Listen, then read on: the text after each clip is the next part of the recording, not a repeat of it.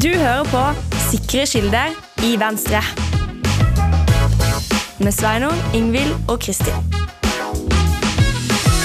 Du lytter til Sikre kilder i Venstre. Jeg heter Sveinung. Jeg heter Ingvild. Jeg heter Kristin. Hva har du gjort siden sist, Kristin? Her går vi rett på.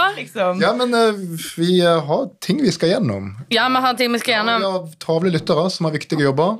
Ja. Eh, Vi kan ikke drive på med sånn tullball. Men jeg har jo også fått viktig jobb, da. Og det er jo liksom mest jeg har drevet med. Sant det? Jeg prøvde å lære meg hvordan eh, eh, hvordan byrådet jobber fra, fra dag til dag. Og satt meg inn i masse nye systemer, så det har vært eh, veldig gøy. Veldig lærerikt. Veldig intenst. Har du fått kopimaskiner til å funke ennå? Eh, ja, faktisk. Det er morsomt at du spør, eh, for det fikk jeg til i går. Ja, yes, På dag sju. Så det er jeg veldig fornøyd med. Eh, og så mm, Nei da, men, men det har vært mye nytt. Altså. Men nå føler vi at vi begynner å få litt sånn eh, hodet over vann. Så det er selvfølgelig famous last words. Men skal du, har du innført sånn for eksempel sånn Ok, alle samtaler må gjøres liksom gående i ganga for å få viben? Eh, altså, jeg pleier å snakke relativt konstant enten jeg går eller sitter. Ja, men at du liksom sier sånn Ja, vi skal snakke om dette, men vi må gjøre det mens vi walk går. For with at, me. ja, for at det skal se kult ut. Ja, Nei, uh, det har jeg ikke innført, men jeg noterer meg at du helst ville ønske det. Ja. Ja, absolutt. Nei, så eh, Så det er det jeg har drevet med. Hva med deg sjøl? Eh, Det skal jeg komme til, men først må jeg bare si at eh, det er jo ikke bare dere i eh, Oslo-byrådet som har det eh, travelt. Det har også det andre byrådet i Norge, nemlig byrådet i Bergen. Å, herregud. Vi hadde jo en stor runde sist med det som er Vi ble enige om ikke årets intervju, men kanskje årets verste intervju. Og det var byrådsleder Kristine Meyer som gjorde med VG.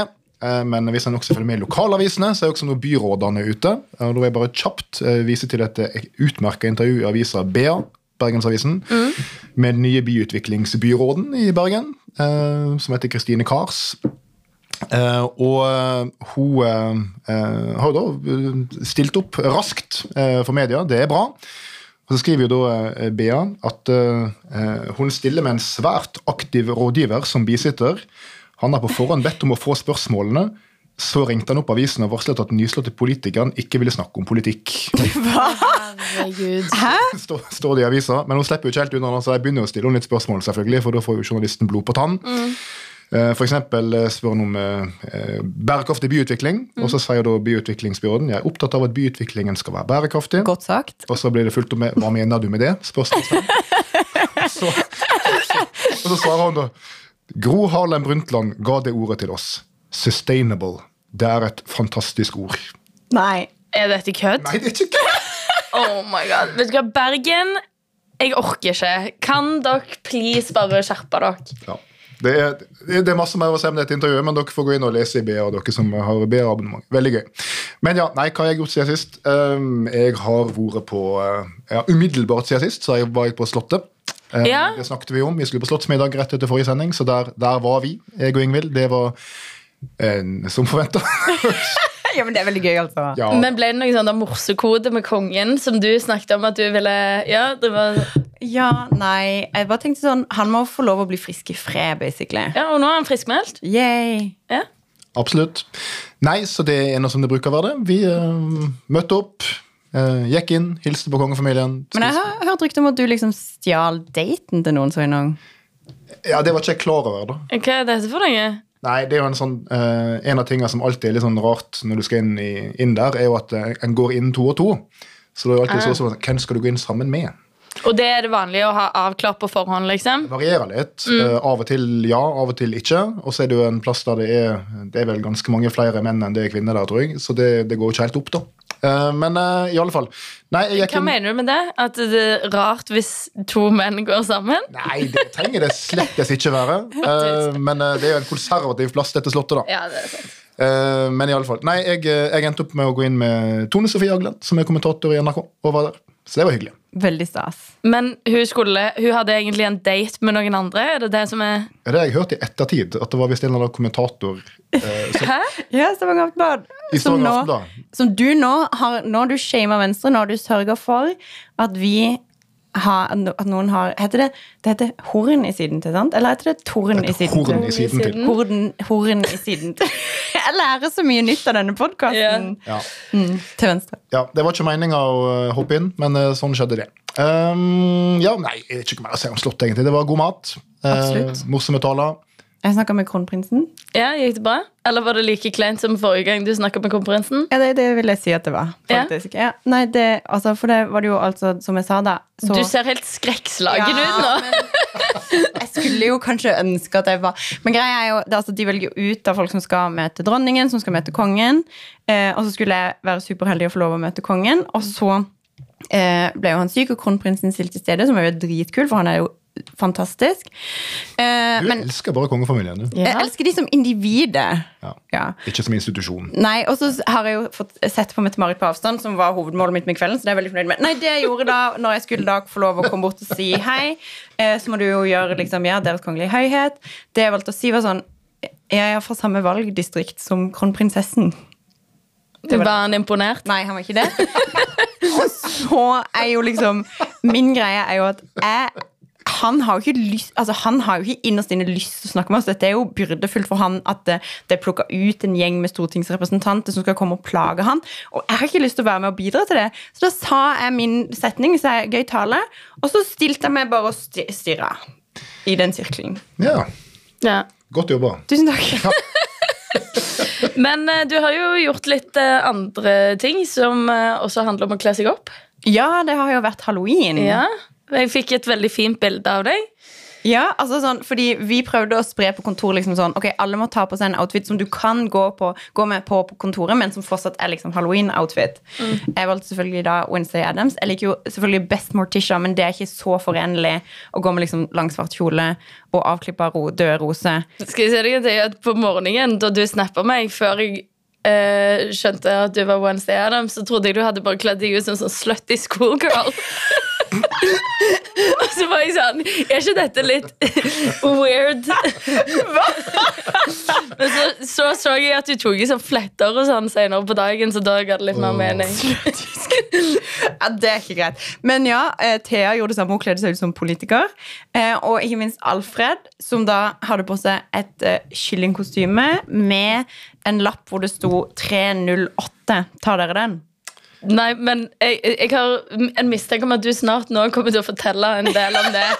Men la meg først bare si at hvis avtalen var La oss ta på oss noe som er et kostyme, men som du kan gå i på jobb og se normal ut, og så kler Alfred seg ut som en kylling Men det var, det var enkelt å ta på av dette kostymet. Ok, jeg skjønner. Det er sant, men det leder oss egentlig ganske greit inn på et eh, tema vi skal snakke om. Ja. Eh, vi skal innom litt ulike ting i dag. Vi skal både snakke om eh, eh, EU, ACER, Høyesterett, strøm.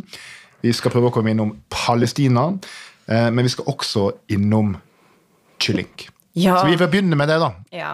Hva har skjedd i kyllingverdenen siden sist, bortsett fra at en stortingsrepresentant for Venstre har kledd seg ut som en? Ja, fordi dette 308-skiltet er jo da monsterkylling. For Ross 308 er denne monsterkyllingrasen. Det betyr at den vokser veldig raskt. sant? Vokser jævlig raskt. Altså Det finnes jo raser som er saktevoksende, og det er jo mange store problemer med disse hurtigvoksende rasene for dyrevelferden. Altså De vokser jo eh, altfor raskt for det de egentlig er. Altså De er avla fram til å vokse raskt, som gjør at de får um, en hel rekke utfordringer knytta til dette her. Altså med ledd og bein. muskel- og skjelettplager Ja, ja. som eh, mennesker også får, men her er det mye av det. Ja, veldig mye. Altså, de avles jo basically fram til dette. Men det som har skjedd, er jo at SVT har eh, gjort en exposé av eh, ja, av kyllingproduksjon i Sverige. Eh, hvor da det er primært denne monsterkyllingrasen som brukes, men hvor da eh, de har kom, vist bilde av ulovlig avliving av høner uten bedøvelse.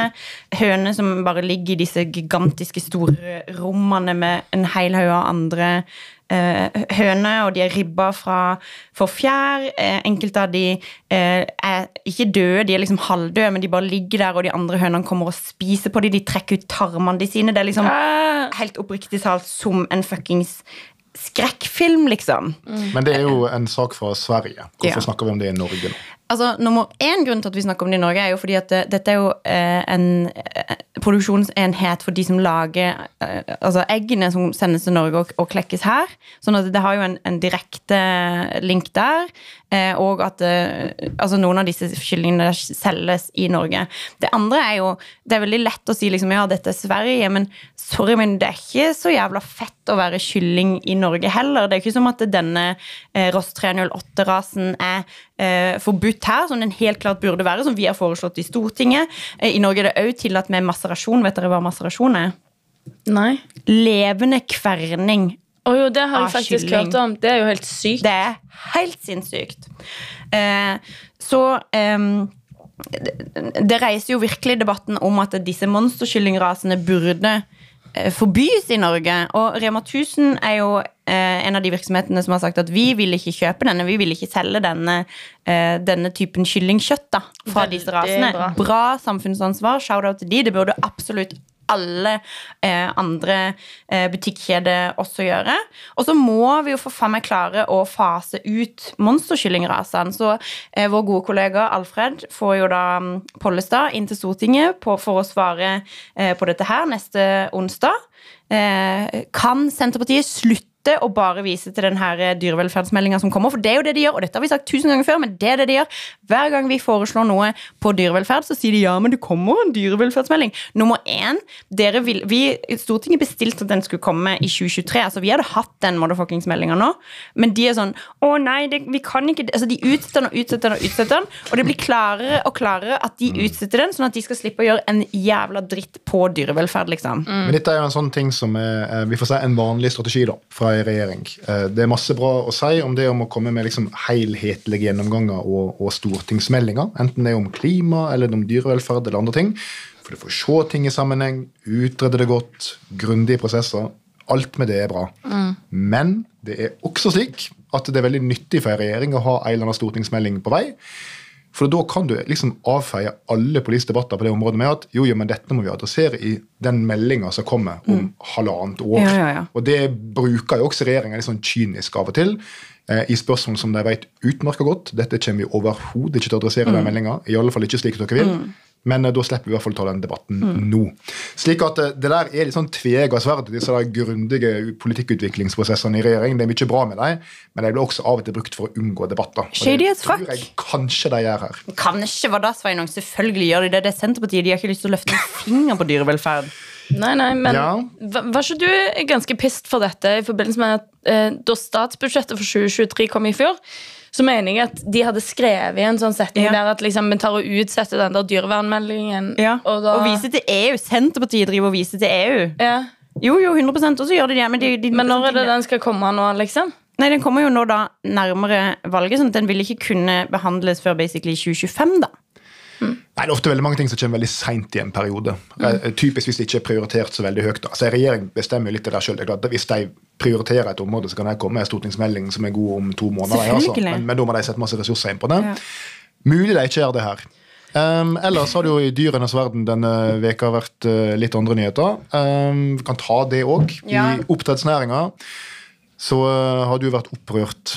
Ja, altså, igjen da, massedød av laks. Det er jo generelt i oppdrettsnæringa så er jo eh, fiskedødeligheten høy. Den har økt de siste årene fra 14,8% til 16,1% Det er jævla mye fisk, fordi at det er helt sinnssykt mange fisk i alle disse merdene. Så nå er det da eh, NRK som har fått tak i eh, noen lekka eh, bilder eh, som viser da noen av disse, mm, eh, disse døde og besvimte laksene som bare ligger på bunnen av en sånn merde. Og det som er at det har da kommet en eh, sånn ny type sykdom som eh, effekt liksom gjeldende, så de basically bare kveles sakte, men sikkert, før de da ender med buken opp på bunnen av merdene. Og så er det sånn Men eh, Problemet i saken var vel at når, når det ligger altså det er, jo, det er jo ikke noe nytt at det ligger død laks i bunnen av en merd, men det er gjerne Altså, da, da skal du melde fra med en gang ikke Ja. til- til Mattilsynet, slik at du får håndtert at sykdommer ikke sprer seg, etc. Et Så det var jo det som var kritikken her da mot selskapet, at det, ikke, at det tok for lang tid. Ja, ja, 100 de melder ikke fra. Og så er det jo sånn at smitte sprer seg jo. Ja. Når det ligger masse død fisk i en merde som allerede er stappfull, liksom. Så sprer det seg jo til andre. Og det er jo, altså sånn, jeg ser jo selvfølgelig 100% også det perspektivet med mennesker som skal eh, spise denne fisken etterpå. Er det faktisk trygt for dem å spise fisk som er selvdød av sykdom? Så det er jo helt jævla sprøtt. Og så syns jeg jo det er sånn Det er veldig rart, fordi um, Jeg må bare si altså tallet på døde fisk, altså døde oppdrettslaks og ørret i fjor var 58 millioner. Hæ? I Norge? Ja! Det er helt sinnssykt. Det er helt sinnssykt. Og det som er fucking weird med dette, er jo sånn Hvor mye fisk er det? Det er jævlig mye. Altså, det er i hvert fall slik at i et oppdrettsanlegg da, som gjerne har en fire, fem, seks mære, liksom, så er det jo ganske mange hundre tusen lakser. Altså. Um, til sammenligning så er det hvert år ca. 500 000 villaks som kommer tilbake til norske elver. Uh, så oppdrettsnæringa er, er, er mangegangen mm. antallet villaks i, i norske, norske fjorder. Mm. Og dette er jo altså dette er fisk som lider, som blir utsatt for dårlig dyrevelferd. Og så er det sånn Det er liksom av og til sånn For hvis du sammenligner de to sakene, da, så vil jeg jo si at det, saken med kyllingene har fått hakket mer engasjement. Og det er noe som vi ofte ser igjen på liksom sånne dyrevelferdsting. Altså Når det kommer til fisk, så er ikke liksom engasjementet like høyt som det det er når det er liksom en furry friend som pines sakte. Ja, men sånn er det jo. At mennesker har um, Vi har mye mer empati med dyr som ligner på oss sjøl. og dyr vi er vant til å se. Pattedyr, kjæledyr f.eks. Uh, heller enn produksjonsdyr, og ikke minst, uh, ikke minst fisk. Og så, ja, så lurer jeg på om det er liksom fordi Du kan ikke nødvendigvis se på en fisk Eller du kan det hvis du er trent og skjønner det, men når en fisk har smerte, når en fisk pines fordi at den eksempel har veldig lite plass og svømmer rundt på ingen stimuli, de bare svømmer sirkler og sirkler og sirkler, men vi kjenner jo ikke igjen på en måte ansiktsmimikken eller Nei. lydene til en fisk. Nei, det er sant. Det er jo liksom lett å skjønne i hvert fall forholdsvis lett å skjønne når en hund har det vondt. liksom. Mm. Eh, ikke så lett å skjønne når en laks har det vondt. Men fisk kjenner smerte på Ja. linje med pattedyr. Altså Dette er det jo Eh, forska på, at, mm. at fisk kan kjenne smerte. Og at de er veldig intelligente. også. Det gjør jo alt bare veldig mye tristere. Så dyrevelferden må skjerpes både på kyllingproduksjon og laksproduksjon. lakseproduksjon. Og basically alt annet hvor dyr er involvert. Takk for Men meg. Ja, jeg vil bare her nevne at faktisk eh, Oslos byråd skal legge fram en eh, eh, dyrevelferdsmelding. Ja. Så dyrevelferden i denne byen, Den skal eh, den skal ta seg opp. Den skal opp, da får laksen flytte hit. Så blir det nok bra. Hjertelig velkommen, laks. Bra. Eh, Så vil jeg ta opp min faste spalte, som er podden retta. Eh, Fordi Sveinung, det er kun du som får disse rettelsesmailene, for det er jeg- ingen som har tiltro til at jeg skal si noe riktig. Nei, det er bare meg som folk kjefter på, men eh, jeg får ta det eh, og rette. Punkt én. Eh, vi, sa vi, sist så sådde vi tvil om hvorvidt Venstre i Moss er i gang med valgkampen sin inn mot omvalget til fylkestingsvalget i Moss kommune. Svaret på det er definitivt ja, har vi fått beskjed om. De er i full gang med valgkamp der Det nede. er godt å høre. Det, det var utelukkende positivt. Den andre rettinga jeg skal komme med, det er at eh, sist så var vi så vidt innom EUs fjerde energimarkedspakke på slutten der. Og da sa jeg det litt fort hva det var for noe. Og da har vi fått melding fra en ivrig lytter som jobber med eh, EU-regelverk, får vi si, som hører på. Og som syns det er viktig at vi presiserer at eh, fjerde energimarkedspakke og ren energipakken til EU er ikke eh, bare det samme. Eh, ren energipakken består også av mye mer, mens fjerde energimarkedspakke er en snevrere del av dette her. Så er det også sagt. Yes. Ja da, det, det er krevende lyttere, men eh, det er jo det vi liker. Ja, Takk skal dere ha. Men det gir meg også uh, en veldig god overgang til å snakke litt om det jeg har lyst til å snakke om i dag. Mm. Fordi eh, Vi hadde jo en pod for noen uker siden der vi gikk inn i domsanalyse som er idrett. Ja. Eh, da snakket vi om en høyesterettsdom som eh, handler om dyrevelferd. som vi om i sted. Nå skal vi snakke om en høyesterettsdom som ikke handler om dyrevelferd, men som handler om grunnlovsspørsmål. Eh, yes. ja, Du har vært ute i media og sagt at du gleder deg til det nå endelig skal bli slutt på konspirasjonsteoriene. Ja, det skal jeg. Eller det har jeg sagt. Eh, og det skal det bli. Fordi eh, på tirsdag da kom ACER-avgjørelsen fra Høyesterett. Store, skumle acer. Store, skumle ACER, dyret i åpenbaringa. Eh, den onde organisasjonen som har gitt oss høyere strømpris og flere strømkabler og masse vindmøller over hele landet. Eller har de det? Eller har de det? Ja, eh, jeg tror eh, For de som lurer på hva ACER er, så er det altså en eh, lite byrå med noen ansatte nede i Ljubljana i Slovenia, som jeg tror jeg syns det er veldig rart at folk snakker så masse om her i Norge. Det er ikke så mange andre i Europa som snakker om ACER, men det gjør vi i Norge. Og Det er rett og slett et EU-byrå som er et sånn samarbeidsorgan for energiregulatorer rundt omkring i Europa. Altså de som driver med regulering av energimarkedet. Eh, og de har som jobb eh, å eh, være en slags sånn, klagemekanisme hvis eh, f.eks. en norsk og en svensk energiregulator ikke blir enige om liksom, detaljspørsmål rundt overføring av strøm via en kabel, så går ACER inn og kan ta beslutninger om det. Eh, og de eh, kan kreve informasjon fra Statnett rundt uh, ulike ting en trenger informasjon om. Ja, så de har en rolle som er viktig nok for at dette liksom skal gli, uh, men de uh, gjør ikke alt det folk tror de gjør. Eh, det som har skjedd er at Nightly har gått til sak, eh, ikke mot ACER, men mot innføring av tredje energimarkedspakke og liksom etablering av ACERs myndighet i, indirekte i Norge.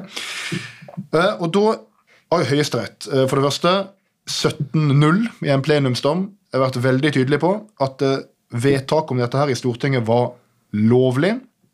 Men mer interessant enn det så går de ganske pedagogisk til verks for å liksom slå hull på en del myter. Eh, og for så sier det tydelig i den høyesterettsdommen at eh, sitat Myndighetsoverføringen, altså til ACER, da, mm. myndighetsoverføringen eh, kan ikke antas å ha noen nevneverdig betydning for strømpris eller energisituasjonen i Norge. Fordi det må du jo forklare, altså Påstanden da, for søksmålet var jo nettopp at de mener at man har gitt bort noe av statens myndighet i strid med Grunnloven. Ja, og det som er litt liksom forvirrende her er at søksmålsgjenstanden i seg sjøl, altså spørsmålet de diskuterer, er i og for seg interessant nok. Og det er kan du eh, avgi suverenitet i den eh, utstrekning det her er snakk om, som er ganske snevert, men dog. Eh, kan du avgi det med simpelt flertall i Stortinget? etter, stor, etter Grunnlovens paragraf 26. Mm. Eller må de gjøre det med tre fjerdedels flertall i Stortinget etter Grunnlovens paragraf 115. Det er i og for seg en interessant konstitusjonell diskusjon, så det er ikke noe galt med det. på en måte Dette er litt uh, krevende terreng konstitusjonelt. Så, så, det er helt greit. og Der har Høyesterett vært veldig tydelig på at det er greit med simpelt flertall. For dette, uh, enkelt sagt fordi at det her er snakk om så lite myndighetsoverføring at ut ifra den ulovfesta uh, konstitusjonelle læra om det, så er det greit. Um, men problemet er at det er jo ikke det Nei til EU, Rødt, Senterpartiet, Frp gir inntrykk av at ACER-problemstillinga handler om. Ikke sant? De sier jo at det at vi har blitt med på dette samarbeidet, det gjør at liksom du har dyr strøm i Norge, eksempel. Det gjør at du har utenlandskabler, osv. F.eks. Eh, på eh, nettsidene sine, på informasjonsbrosjyra si, som det da heter, fra, fra Nei til EU, så skriver de eh, en informasjonsbrosjyre om ACER. Sitat det er ikke lenger mulig å prioritere stabil og billig krafttilførsel til norsk industri hvis ACER mener krafta trengs mer på kontinentet. Ok, Det høres ut som det sitter et eller annet byrå i EU og bestemmer seg at nå overfører vi strømmen fra norsk industri til kontinentet, for de trenger den mer. Ja. Tror vi at ACER kan bestemme det? Nei. Selvfølgelig kan de ikke det. Og det er det Høyesterett er veldig tydelig på. Men det kommer de sikkert ikke til å slutte å si. Og på Senterpartiets hjemmeside, på Rødt sin hjemmeside, dette har jeg gått gjennom denne veka, mm. så er det gjennomgående retorikk om at eh, sitat, ACER vil gi høyere strømpriser, en snakker om konsesjonslover osv. Alt er bare tull. Mm. Slutt med det der. Slutt med det der. Ja, det, det er fake news. Men, ja, men vi, var vi, vi, var jo enige sist om at vi bare skulle lytte til ekspertutvalget. Slutte med konspiteoriene. Felles ja. virkelighetsoppfatning. Ja. Dette er vi jo enige om, alle i dette rommet. Ja, vi er jo det, da. Men uh, håpet nå uh, håpet nå det er at nå er vi ferdig med den diskusjonen. Uh, Få slutt på de greiene der. Uh, og snakke om liksom, det som faktisk er verdt å snakke om. Uh, og det å diskutere skal du bygge en ny strømkabel til Europa eller ikke, det er en fair politisk debatt. Ja, det påvirker norsk strømpris. Har noen plusside, har noen minusside. Fram og tilbake. Har ingenting med ACER å gjøre, men det må en kunne diskutere. Mm. Skal vi bygge vindmøller eller ikke? God debatt kjør på. Har ingenting med ACER å gjøre. Så nå må vi på en måte komme oss videre fra denne nei til EU-greiene og heller snakke om det som er faktisk politikk. Og det har Høyesterett Ja til EU. det, det, må vi òg gjøre. Uh, og da kan vi jo si at uh, kanskje Kanskje er det nå en gryende EU-debatt i dette landet. Mm. Ja, Vi får se, da. Altså, nå så jeg at um, Jonas Gahr Støre Han mener at det er på ingen måte på tide med det. Nei. Eh, Venstre har vært ute og sagt vi vil ha EU-debatt. Høyre har vært ute og fortjenestefullt vært mer tydelig enn på mange år og sagt vi må bli medlem i EU. Og så kommer Støre ut og sier nei, vi skal ikke ha den debatten nå, og vi skal ikke ha den debatten i neste stortingsperiode heller. Ja. Altså Neste år er det jo Da fyller de 30 år, de som ble født det året da det var folkeavstemning. Mm. Det er ganske lenge siden. Og det betyr at ingen Nå kommer matten min igjen. Det betyr at ingen eh, og under 48 år neste år har stemt. Stemmer. Så det betyr at hvis vi nå gjør som Jonas Gahr Støre sier, eh, og som Frp sier, de har også vært ute nå og vært sånn vi skal ikke ha noe EU-debatt i neste stortingsperiode. eh, Det blir bare polarisering. Det er spennende at Frp er bekymra for polarisering. Eh, Hvis vi da gjør sånn som de vil, at det- nå legger vi lokk på den debatten i ytterligere seks år, da betyr det at når vi kommer til 2029, da, så vil ingen under 53 ha fått tatt stilling til dette her. På det tidspunktet vil Jonas Gahr Støre være 69 år. Eh, og jeg tenker at nå, nå må vi slutte. Dette går ikke. Og det vi nå sitter og diskuterer i Norge, etter at vi er ferdig med denne ACER-greia, som jo relaterer seg til beslutninger ble satt for evigheter siden i Europa Nå skal vi diskutere fjerde energimarkedspakke. For Den er vedtatt i mellomtida. 2018-2019. Så nå sitter Senterpartiet og andre som skal ha veto mot det, eller sier vi skal ikke sitte i regjering og behandle fjerde energimarkedspakke. Den ble vedtatt i EU for fem år siden, og nå skal vi ha debatt om det. Så vi har liksom en sånn demokrati som er kontinuerlig fem til ti år på etterskudd. Eh, og det, ja. Så, så der ligger utfordringa. Eh, så Få gang! få gang. Men eh, kanskje kan vi få gang. Eh, vi har jo fått et uh, Høyre-Venstre-byråd i Oslo. Ja, Kanskje kan vi få en ny regjering i Norge med f.eks. Høyre og Venstre. det hadde vært bra. Det hadde vært spennende. Ja. Da kan vi kanskje få en EU-debatt. ja. Eh, og eh, jeg tenker at Hvis altså, ikke må byrådet bare kjøre den prosessen òg. Altså, eh, nei, men det er jo omtrent eh, Det er jo det mest velfungerende organet i landet for tiden. Iallfall sammenlignet med andre byråd. Ja, eksakt. Mm. Det er veldig bra. Og de er til og med interessert i å snakke om politikk. Det er veldig spennende. Det, det kan vi gjøre. Nei, så nå er vi forhåpentligvis ferdig med ACER. Høyesterett har sagt sitt. Stortinget har eh, stått på trygg konstitusjonell grunn når han har gjort vedtak han har gjort. Eh, og i mellomtida så er det altså nå 500 nye rettsakter fra EU som venter på å bli implementert i eh, Norge. Så eh, det er, en lang kø å ta av. Men ingenting av det vi nå snakker om, er jo egentlig den store debatten. Den store debatten i media internasjonalt og i Norge er jo den, utvik den stadig utviklende situasjonen i Midtøsten.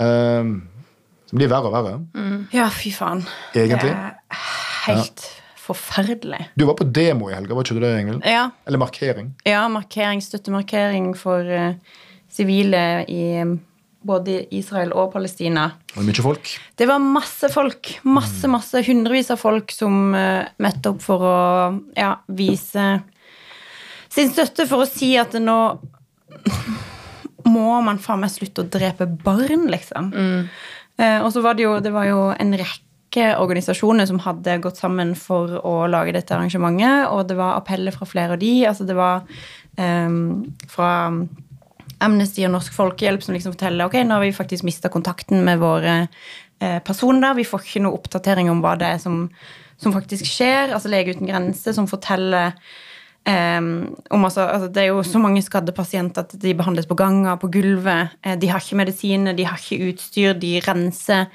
de renser sår eh, med eddik og oppvasksåpe. Altså det er helt for jævlig.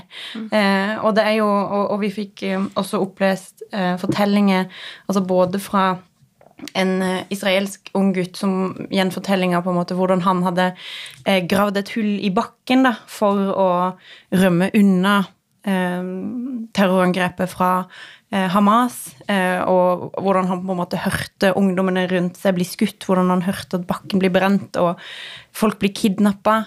Eh, en, en far fra Gaza som forteller at han måtte gå og identifisere sitt døde barn i, altså i hodet av andre døde barn. Et barn som skulle ut og kjøpe brød og madrasse. Altså det er Den eskaleringa som har vært nå de siste ukene, har jo bare vært helt, helt forferdelig. Og det er så mange barn der, det er så mange sivile som nå dør. Det er så mange mennesker som ikke Altså, de har ikke tilgang på mat eller vann eller medisinsk utstyr eller noen ting, for det er nesten ingenting som slipper inn på Gaza nå. Og så åpner de jo åpner de jo for noen til å rømme ut gjennom Egypt nå, men det er jo ikke mange. sant? Det er primært liksom de som er hardt skadda, og De som må, må sykehushjelp. Ja. Mm. så så det, det er liksom Denne volden må stoppes. Eh, Det det må komme en, en våpenhvile. Det må slippe inn forsyninger. altså dette er, Det er bare helt forferdelig. Og så ser vi jo også, altså både i Norge og internasjonalt, hvordan eh, trusselsituasjonen både mot, eh, mot jøder, men også folk med, med, med opphav for regionen, altså hatet bare øker. Altså sånn, Dette hjelper jo ingen. Det hjelper ingen å spre frykt og hat mot jøder. Og det er bare sånn Det er, det er en så forferdelig situasjon, eh, så, så verdenssamfunnet må på en måte altså, oppriktig talt presse Israel til å gje- gjennomføre en humanitær våpenhvile, slippe inn den eh, humanitære bistanden som er helt ytterst nødvendig på Gaza akkurat nå. Det er jo en kollektiv avstraffelse av absolutt alle eh, som er på Gaza. Vi bruker jo eh, Vi har faktisk en fast spalte i den podden eh, der vi snakker om eh, ting der vi ikke er så fornøyd med regjeringa. Mm. men jeg vil jo eh, benytte anledninga Jeg vet ikke om dere er enig i det, da, men jeg vil benytte anledninga til å faktisk skryte litt av regjeringa. For jeg syns de har håndtert denne saken ganske bra. og gjort mye av det jeg syns de bør gjøre. Fordi det er, som Ingvild beskriver, en helt grusom situasjon. Eh, det var en votering i FN i forrige uke der en skulle eh, eh, ta stilling til om en vil kreve en umiddelbar stans i eh, krigføringa for å få inn eh, hjelp. Eh, det stemte Norge for, eh, i lag med flertallet i FN. Og så kan jeg tenke ja, det skulle jo bare mangle, men realiteten er at Norge var det eneste nordiske landet som stemte for, og et av få europeiske land som stemte for. Så det er ikke selvsagt. Og så er jo grunnen til at mange andre land ikke stemte for, var at den erklæringa ikke inneholdt liksom, fordømmelse av Hamas. Eh, og det kan jeg jo forstå at en reagerer på, så klart. At en ikke fordømmer Hamas. Og det er jo en grunn til at en ikke gjør det i den uttalelsen, for da er det sikkert mange av disse landene som stemte for, som ikke kan stemme for. Absurd nok. Men jeg syns likevel det var bra at regjeringa vår bare liksom skal gjennom og sa vet du hva, det får våge seg. Eh, vi stemmer for dette likevel. Og det eh, vår nye utenriksminister Espen Barth Eide har sagt nå offentlig i, eh, utenriksdebatten, er at han er redd for at Israel med det de nå gjør, er i ferd med å brenne opp på den sympatien de hadde. Og det er en veldig god eh, eh, observasjon. Eh, fordi at eh, jeg tror ingenting av det Israel driver med nå, bør være i Israels interesse. Ikke sant? Altså, jeg, jeg, jeg har stor forståelse for at når befolkningene blir utsatt for det tredje verste terrorangrepet i historien Mm. Det er en helt vanvittig skala på det Hamas har gjort, og Hamas gjør det jo utelukkende for at Israel skal angripe Gaza. Det er jo derfor Hamas gjør det. Eh, og så bruker de to millioner palestinere som skjold. Eh, så det, det er ingen problem å fordømme det Hamas driver med, og det er heller ingen problem å forstå at Israel må agere på et eller annet vis. Ikke noe demokratisk valgt regime kunne gjort noe annet. Men det de driver med nå, er som Ingvild sier, det som er kollektiv avstraffelse av en hel befolkning. Eh, at sivile kan dø når du gjennomfører militærangrep, det er jo selvsagt i krig. Men det er ikke selvsagt at du skal sperre av tilgang på vann, strøm, drivstoff til et så tett befolka område rett og slett gjennomføre en militær beleiring. Eh, så alt det er eh, mildt sagt på kant med folkeretten. Men verst av alt eh, er jo at det virker ikke at det ligger noen plan bak det. Altså Hva er det Israel skal oppnå med dette her? Fordi eh, det har vært krig, jeg, jeg er ikke veldig gammel, men jeg er gammel nok til å huske sist det var krig på Gaza. Og jeg er gammel nok til å huske gangen før der det var krig på Gaza. Eh, og det er klart Israel kan gjøre det de gjør nå. ikke sant? Drepe masse folk, drepe masse Hamas-krigere osv., og, så og så trekke seg ut igjen. Men hva skjer da? Ja, Da venter du fem år, da, og så blir det en ny krig på Gaza. Uten at du løser noe som helst. Så uansett hvordan du vrir og vender på dette, her, så er Israel den sterke part. De er den part som sitter med de fleste korta for å få en løsning. Og det fins ingen løsning som ikke på en eller annen måte gir palestinerne en stat. Eh, og eh, det er dessverre få i verdenssamfunnet som kan påvirke hva Israel gjør. Det Norge gjør, har dessverre fint lite å si. Eh, de som kan påvirke dem, er USA. Yep. Eh, USA gir mer i bistand til Israel enn hele det norske bistandsbudsjettet til sammen. Og det er både militær bistand og sivil bistand. Og det USA burde gjøre, mener jeg, er at USA burde bare si at vet du hva, vi skal gi bistand til dere, men da skal ikke dere bygge ei eneste ny bosetning. For eksempel. Fordi bosetningspolitikken har i 30 år undergravd fredssporet, helt bevisst for dette korrupte Netanyahu-regimet eh, sitt ståsted. De er ikke for en tostatsløsning, de er for en enstatsløsning som vil nødvendigvis måtte bety en apartheidløsning, med mindre palestinerne skal fulle demokratiske rettigheter, og det vil de jo ikke få. Så eh, det er jo USA som sitter med nøkkelen her, på mange måter, og da handler det om å stille krav til Israel òg. Ikke bare støtte dem, men stille krav til dem. Det kunne kanskje vært én måte å komme seg ut av dette på. Nei, det er, det er helt forferdelig. Og det er jo sånn, Vi sitter her og tenker sånn Ok, det er en no-brainer. Er- er- Altså, barn blir drept. Altså, dette er en no-brainer. Og det er liksom sånn ehm, altså, det problematiseres jo veldig med på en måte bakteppe og alt mulig sånn, og, og det skal vi veldig gjerne eh, snakke om også, men, men først og fremst nå så tenker jeg sånn Det mest prekære er jo at man slutter å utøve vold mot sivile. Slutter slutte å drepe barn og, og, og innføre en humanitær våpenhvile. Eh, sende inn det utstyret som man trenger. Altså Det er jo det på en måte som, som Fordi jeg er så redd av og til for at den diskusjonen eh, potensielt liksom sporer av. Altså når Man begynner å ta, man kan ikke se dette i et vakuum. Det har jo også FNs generalsekretær vært tydelig på. altså at Du må ha med all historikk og sånn her. Men, men la oss nå bare være enige om at den situasjonen som er akkurat nå, den må opphøre. Neida, men det er klart du kan ikke se ting i et vakuum. Det, det er en grunn til at dette her er verdens mest eh, kompliserte konflikt. I hvert fall den som eh, virker vanskeligst å løse. Eh, og det har dessverre ikke skjedd en dritt på 30 år. Eh, Men det har bare blitt verre. Ja, det har på veldig mange måter blitt mye verre. Eh, og det er, det er, det er i størst grad Israels feil, dessverre. Eh, og det pågår ei radikalisering på begge sider, der religiøse fundamentalister eh, har eh, fått makt. Eh, og, og styre sjappa. Eh, og den regjeringa som eh, Netanyahu klarte å skrape sammen nå sist, eh, for å unngå at han sjøl skulle bli straffeforfulgt for eh, korrupsjon, eh, er altså den mest ytterliggående i Israels historie. Eh, og det er også viktig å si det er ikke sånn at alle israelere eh, støtter alt som nå skjer, Nei, nei, eh, eller støtter lederne sine. Tvert imot, Netanyahu har blitt mindre populær etter dette, og han blir jo med rette beskyldt for å ha en del av skylda for at dette nå skjer. Pga. Politikken de har ført. Um, har retta militære oppmerksomhet andre veier, har ikke fulgt med. Åpenbar stor etterretningssvikt. Og har for øvrig ført en eh, politikk som både undertrykker palestinere, undergraver framtidshåpet deres, og dermed bidrar til radikalisering. Eh, og Det er ikke det at det unnskylder terror, eh, men det er jo med å forklare hvorfor situasjonen er så uhåndterlig. Um, så det er jo grunn til å se mørkt på ting, dessverre. Jeg vet ikke, Kristin, Ser du um, bekmørkt på dette, her, eller fins det håp? Altså, Den eneste løsningen på dette er jo egentlig at eh, hele verdenssamfunnet bare liksom går inn og sier at sånn her blir det. Eh, og bare liksom trekker opp ei linje. Men da må alle være med. Og USA har ikke tenkt å bli med, sånn som det ser ut nå.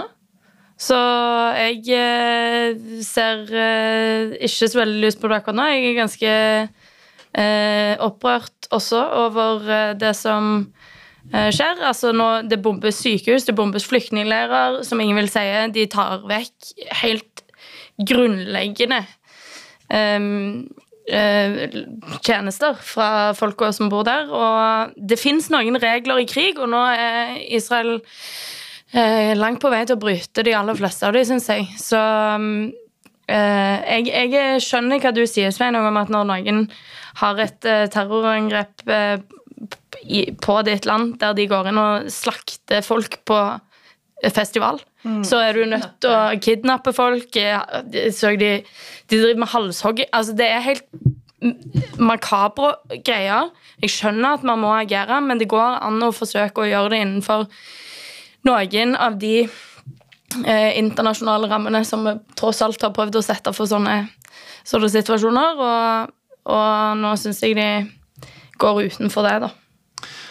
Men Midtøsten er jo komplisert, som kjent. I dag hadde f.eks. Aftenposten en ganske god artikkel om eh, Hamas-ledelsen. Eh, for det er klart Ledelsen eh, driver jo ikke og kryper rundt i tunneler på Gazastripa og utsetter seg for å bli likvidert av Israel. Ledelsen de lever liv med tjukke tepper og mjuke senger i, i Qatar, der de jo oppholder seg. Eh, tilfeldigvis rett ved siden av eh, en av USAs aller største militærbaser. Men eh, Qatar sin rolle i Midtøsten den er det mye å si om. I tillegg til at jeg selvfølgelig arrangerte fotball-VM. Men det det skal ikke vi snakke mer om nå. Ok, eh, ble mørkt på slutten, men vi kan eh, eh, komme med ett oppmuntrende råd eller ei oppmuntrende anbefaling, eh, vil jeg si. Og det er at hvis du er i Oslo, eller skal til Oslo før eh, jul, Så kan du komme på råd som ser på byrådet.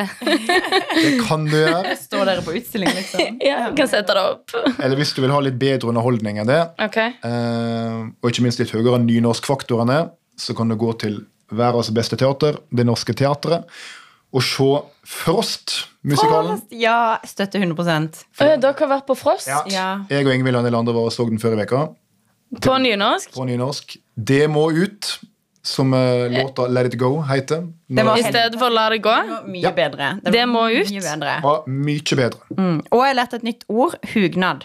Ja, Ja, Det det betyr Det et- hyggelig. Det er et Det er helt, det er et, det er et helt sånn innslag som handler om hugnad. Litt sånn Hakuna Matata-aktig innslag. Ja.